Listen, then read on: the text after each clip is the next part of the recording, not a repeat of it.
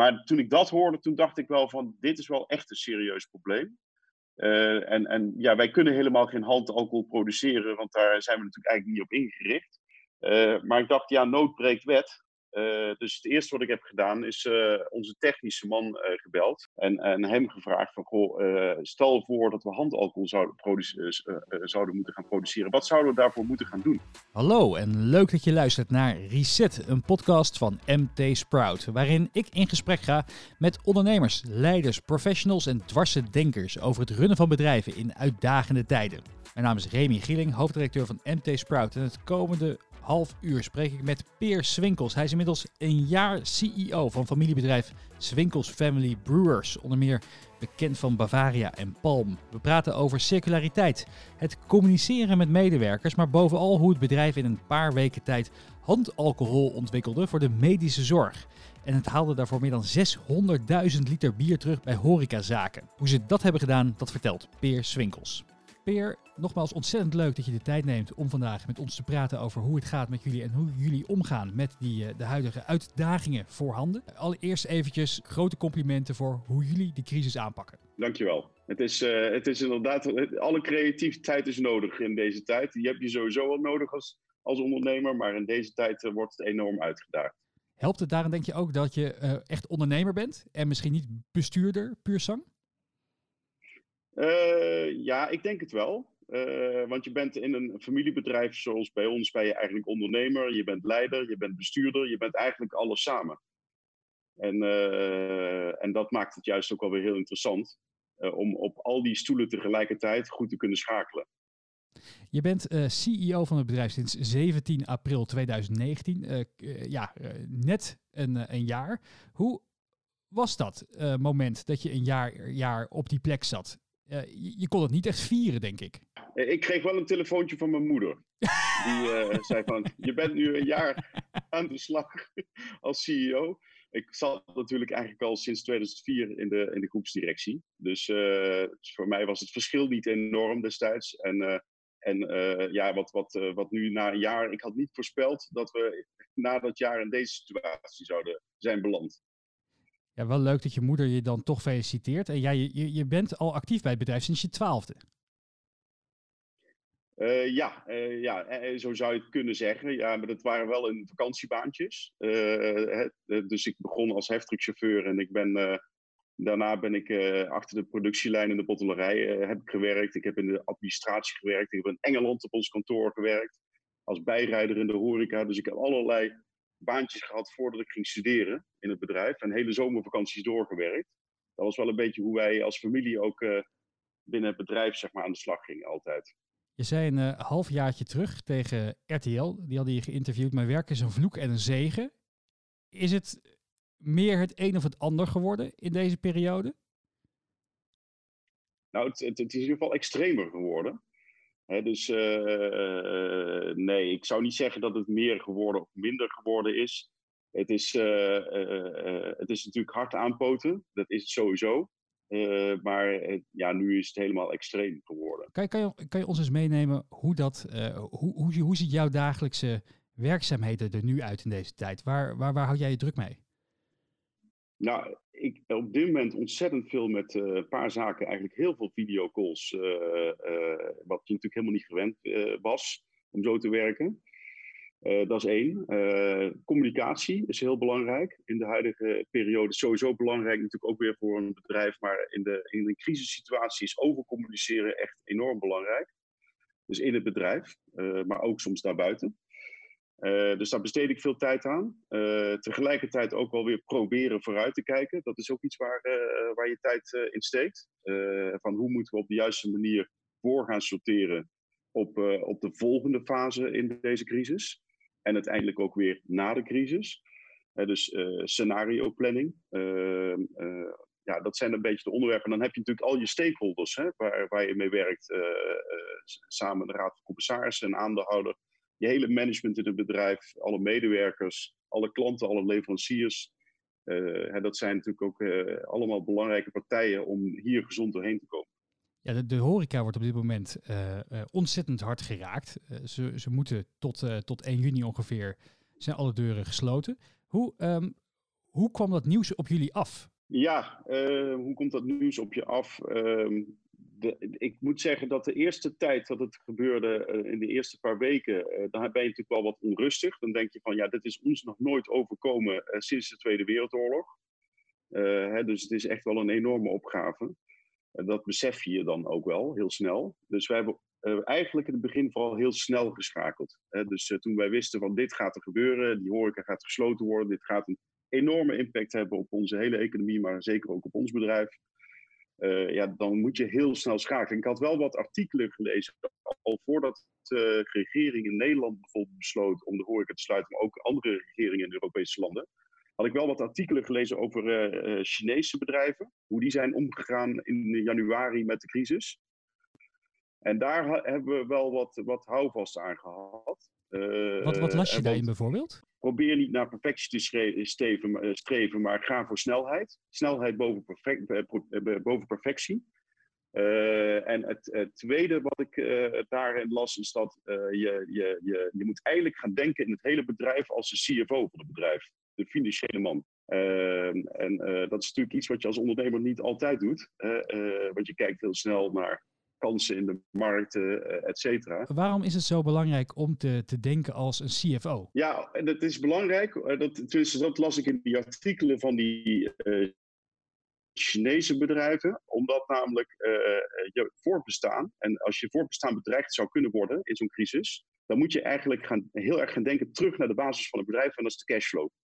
dus je liquiditeit, je cashflow, daar moet alle focus op gezet worden. Uh, op dat moment. Uh, ja, daar ben je natuurlijk als ondernemer altijd wel mee bezig. Maar dat is nu echt cruciaal. Uh, hè, dus je kijkt natuurlijk ook naar, probeert ook naar kansen te kijken. Maar de cashflow heeft de allereerste aandacht. Van de ondernemer in dit geval. Jullie hebben besloten om jullie belangrijke klanten, partners, eh, de, de horeca, die het echt zwaar hebben, om die heel constructief te helpen met uitstel van huurbetalingen. Door bier wat wellicht uh, te niet zou gaan terug te halen, om daar desinfectiemiddel van te maken. Maar daar komen we zo op. Ik vraag me af, uh, hoe besluit je in de bestuurskamers hoe je je partners gaat helpen daarin? Voor elke ondernemer geldt dat je een hele duidelijke richting voor je bedrijf zoekt en, en uitzet. Eh, in je strategie. Eh, maar tegelijkertijd zijn er ook allerlei impulsen natuurlijk in de buitenwereld eh, waar je wel of niet op reageert. En of het past in je strategie en ook bij je bedrijf en bij je cultuur past. En ik denk dat ons bedrijf echt wel eigen is. En, en misschien ook al echt voor een familiebedrijf.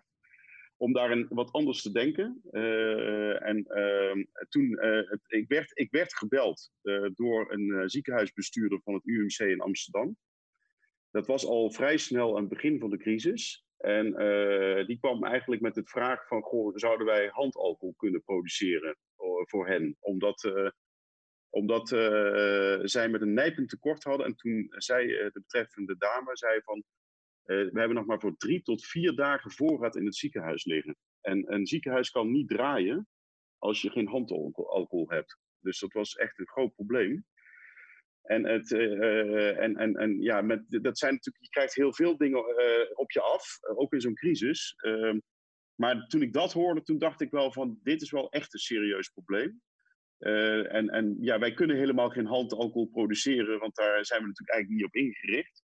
Bovendien hadden we er ook geen vergunning voor. maar ik dacht, ja, nood breekt wet. dus het eerste wat ik heb gedaan, is onze technische man gebeld. En Wietse van de Boogaard. En, hem gevraagd van, goh, uh, stel voor dat we handalcohol zouden, uh, zouden moeten gaan produceren. Wat zouden we daarvoor moeten gaan doen? En nou, toen heeft hij dat even snel uitgezocht. En kwam toch met een verhaal terug dat het best wel ingewikkeld was. omdat het proces eigenlijk omgekeerd moest worden. En dat, dat, ja, dat, dat het niet geen makkelijk verhaal zou worden. Maar uh, naarmate ik verder ging doorvragen, kwam ik erachter, er zijn absoluut mogelijkheden om het te doen. En uh, we zaten nog wel wat, praktische issues. En uh, toen heb ik uiteindelijk ook een appje gestuurd in de familie-app van familieleden in het bedrijf die werken. En, en daar reageerde een neef van mij meteen op. En die had namelijk toevallig nog een stuk ethanol liggen Hij, verkoopt en inkoopt dat, dat ook binnen ons bedrijf. En hij zei van, nou, goh, ik heb hier nog een voorraad. Die was eigenlijk bestemd om naar de veevoederindustrie te brengen. Maar die kan ik ook tegenhouden. Nou, en, en zo is het eigenlijk het balletje gerollen. Toen is er een team aan de slag gegaan. met een hele duidelijke opdracht van ja, kunnen we handalcohol gaan produceren voor zorginstellingen? En dat team heeft toen bedacht, dat vind ik wel uh, een hele goede uh, ingeving geweest, moet ik zeggen, van het team.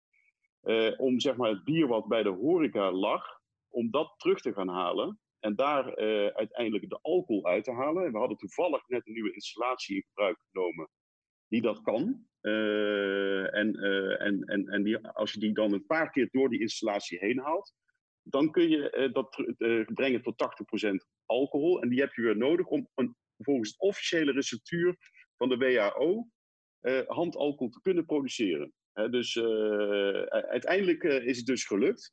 Ja, wat gaaf. En dat, was, van een... en dat, was een, dat was een apparaat, geloof ik, wat, wat normaal gebruikt wordt om 0,0 bier te maken. Klopt dat? Ja, dat klopt. En die, dat nieuwe apparaat hadden we net geïnvesteerd. En dat, en dat stond eigenlijk nog niks te doen. En, en, en, en dat waren we aan het testen. Uh, en toen hebben we al die liters, uh, 650.000 liter teruggehaald bij horecazaken, want daar een tanks lag. en dat hebben we daarna terug in dat apparaat gebracht. En normaal gesproken inderdaad stop je daar bier in en haal je de alcohol eruit. Maar nu moesten we het bier van de horeca erin stoppen. Dan haal je er wel alcohol uit, maar dan moet je wel een paar keer gaan doen. En dan pas krijg je een hoog genoeg alcoholgehalte, wat je eruit destilleert. En, en dat kun je dan wel gebruiken. En daar moet je vervolgens moet je dat anders verpakken natuurlijk dan je gewend bent en noem maar op. Dus het is echt wel een heel gedoe geweest. Maar hoe, hoe werkt dat voor, voor het bedrijf? Want ik kan me voorstellen dat er ook bij jullie in het begin veel onzekerheid misschien was bij medewerkers. Mensen zitten plotseling, uh, moeten plotseling vanuit huis werken. Um, het geeft denk ik ook wel een enorme kick voor mensen. Dat ze echt iets kunnen betekenen nu voor een sector waar het ongelooflijk hard nodig is. Ja, want ik merkte ook dat toen uh, heel, heel duidelijk met dat uh, probleem vanuit het ziekenhuis aankwam, dat het hele team eigenlijk meteen uh, dat helemaal zelf oppakt. Omdat je merkt dat mensen zo intrinsiek gemotiveerd zijn om iets te kunnen betekenen in deze crisis voor andere instellingen en mensen die daar dan indirect natuurlijk via ons door geholpen worden. Ja, dat, dat gaf inderdaad een kick en, en het heeft zeker geholpen klopt. Maar en tot overigens de verbazing van het ziekenhuis zelf, wat uh, destijds belde, want die waren uh, ongelooflijk verbaasd dat wij zo snel uh, geschakeld hebben. En, en dat is dan ook weer fantastisch om te ervaren. En uiteindelijk hebben 1200 zorginstellingen kunnen helpen de afgelopen tijd. Ik kwam er namelijk op door, dankzij je LinkedIn-post. De, de, mensen van de verpakkingsafdeling hadden er ook het Bavaria-logo op gezet. ja, ja, ja, dat uh, was heel leuk gedaan inderdaad. En, uh, en, en uh, die LinkedIn-post die heeft ook een ongelooflijk bereik gehaald. maar ik heb die LinkedIn-post eigenlijk ook wel met een andere reden daar neergezet. Is, kijk, wat ik ook geleerd heb in deze crisis is als je gewoon communiceert en snel communiceert over een plan wat je hebt om mensen te helpen uh, en je hebt zelf nog niet alle wijsheid en pacht en je hebt zelf ook nog niet het hele plan klaar, dan gaan er zich vanzelf allerlei mensen melden die jou weer gaan helpen om dat probleem op te lossen, wat je zelf nog niet helemaal begrijpt of kan oplossen. En dat is hier ook gebeurd. Dus naar aanleiding van die LinkedIn-post zijn, zijn er weer allerlei partijen geweest die ons zijn gaan helpen met het bevoorraden van al die zorginstellingen. dus bijvoorbeeld, er heeft zich een partij gemeld die uiteindelijk onze handalcohol is gaan verpakken in jerrycans van 5 liter. En die hebben dat ook belangeloos gedaan. En vervolgens melden zich ook vervoerders, uh, logistieke dienstverleners. Die zeiden van nou wij willen wel het product naar de zorginstellingen brengen. Want wij, wij hebben een apparaat wat daarvoor geschikt is. Ja, wij, wij hebben daar natuurlijk geen apparaat voor wat, uh, wat geschikt is om naar zorginstellingen te brengen. Dus uh, alles is ook vergunningsplichtig. Hè. Dus gelukkig uh, besloot de overheid om ook een tijdelijke vergunning af te geven om dit te kunnen maken. Hè, waardoor we dus heel snel konden schakelen. Dus alle partijen hebben ontzettend goed meegewerkt hierin. En dat komt ook als je, als je open en transparant communiceert over wat je wil en, en welk probleem je eigenlijk zou willen oplossen, dan, dan gaan zich ook wel weer andere mensen aandienen je hebt al eens gezegd dat de continuïteit voor jullie het allerbelangrijkste is en niet de aandeelhouderswaarde. Dit is daar echt een, een voorbeeld van puur zang. Ja, wij, wij denken in uh, continuïteit van de onderneming. En dat helpt ons nu ook tijdens deze crisis niet omdat, alleen omdat we uh, dit, uh, dit doen. Maar ook überhaupt de reserves die je daardoor hebt. En ook het feit dat je natuurlijk niet heel erg veel schuld in het bedrijf hebt zitten helpt natuurlijk om in deze crisis uh, gezond er doorheen te gaan komen. En uh, dat zal in ons bedrijf zeker gaan gebeuren. Uh, maar ja, als je inderdaad zeer veel schuld in je bedrijf hebt zitten, dan is maar de grote vraag wat er gebeurt met je hele onderneming. En dat zal een familiebedrijf zoals wij zijn niet zo snel doen. Ik wil het graag nog met je hebben over twee zaken die jou aan het hart gaan. Namelijk geluk onder je medewerkers en circulariteit. In hoeverre, uh, jullie hebben als doel gesteld het afgelopen jaar om uh, het bedrijf 100% circulair te maken. Uh, vorig jaar was dat 40%. Jullie denken dit jaar, ondanks de coronacrisis, 50% circulair te kunnen worden. helpt misschien juist zo'n crisis daar ook bij, omdat je inventiever wordt in de middelen die je hebt? Schaarste creëert wel creativiteit. daar ben ik van overtuigd. Ehm, het is wel zo dat op zich de crisis natuurlijk niet puur sec helpt om die circulariteit te verbeteren. Uh, dat uh, moet echt komen van ook je eigen intrinsieke motivatie, uh, die niet van een crisis af moet hangen, om daaraan te willen werken. En ik denk dat de crisis daar niet een directe invloed op heeft. Het is wel zo dat wat wel een hele grote invloed heeft, is dat je heel erg kiest. Als je niet kiest, dan verlies je als ondernemer. En dat geldt ook als het over MVO gaat. Uh, bij MVO, ik denk dat ook in ons bedrijf wij nog op verschillende paden aan het lopen waren. Als het om ons maatschappelijk verantwoord onderneming ging. Uh, we hebben een zeer transparante communicatie eh, ook over ons MVO. En de MVO-cijfers, met name als je naar ons jaarrapport kijkt. Uh, maar wij, wij, door meer focus te kiezen binnen dat gebied, binnen duurzaamheid, ga je ook meer impact maken. Uh, daar geloof ik zelf heilig. Ik heb dat overigens ook gezien bij een andere onderneming waar ik heel lang bij actief ben geweest, dat is Tony Chocolonely. Uh, en, ja, dat bedrijf is er ook een focus gekozen die uiteindelijk ook tot impact leidt. En dat doen wij nu ook in ons bedrijf. we kiezen de focus op circulariteit om daar de grootste impact op te gaan maken. En dat heeft wel uh, de, een, grote impact, een grote invloed op uh, wat je kan bereiken. Waar loop je daarin nog tegenaan? Wat is een lastige uitdaging die moeilijk te tackelen is? Uh, kijk, uh, een, een, een, uitdaging die wij zagen heel snel is van je kunt zeggen dat je naar een circulair bedrijf wil gaan, maar hoe ga je dat in godsnaam volgen? Hoe ga je dat meten? Hoe ga je weten of je inderdaad succes aan het uh, maken bent of niet? Want er is in de wereld geen echte definitie.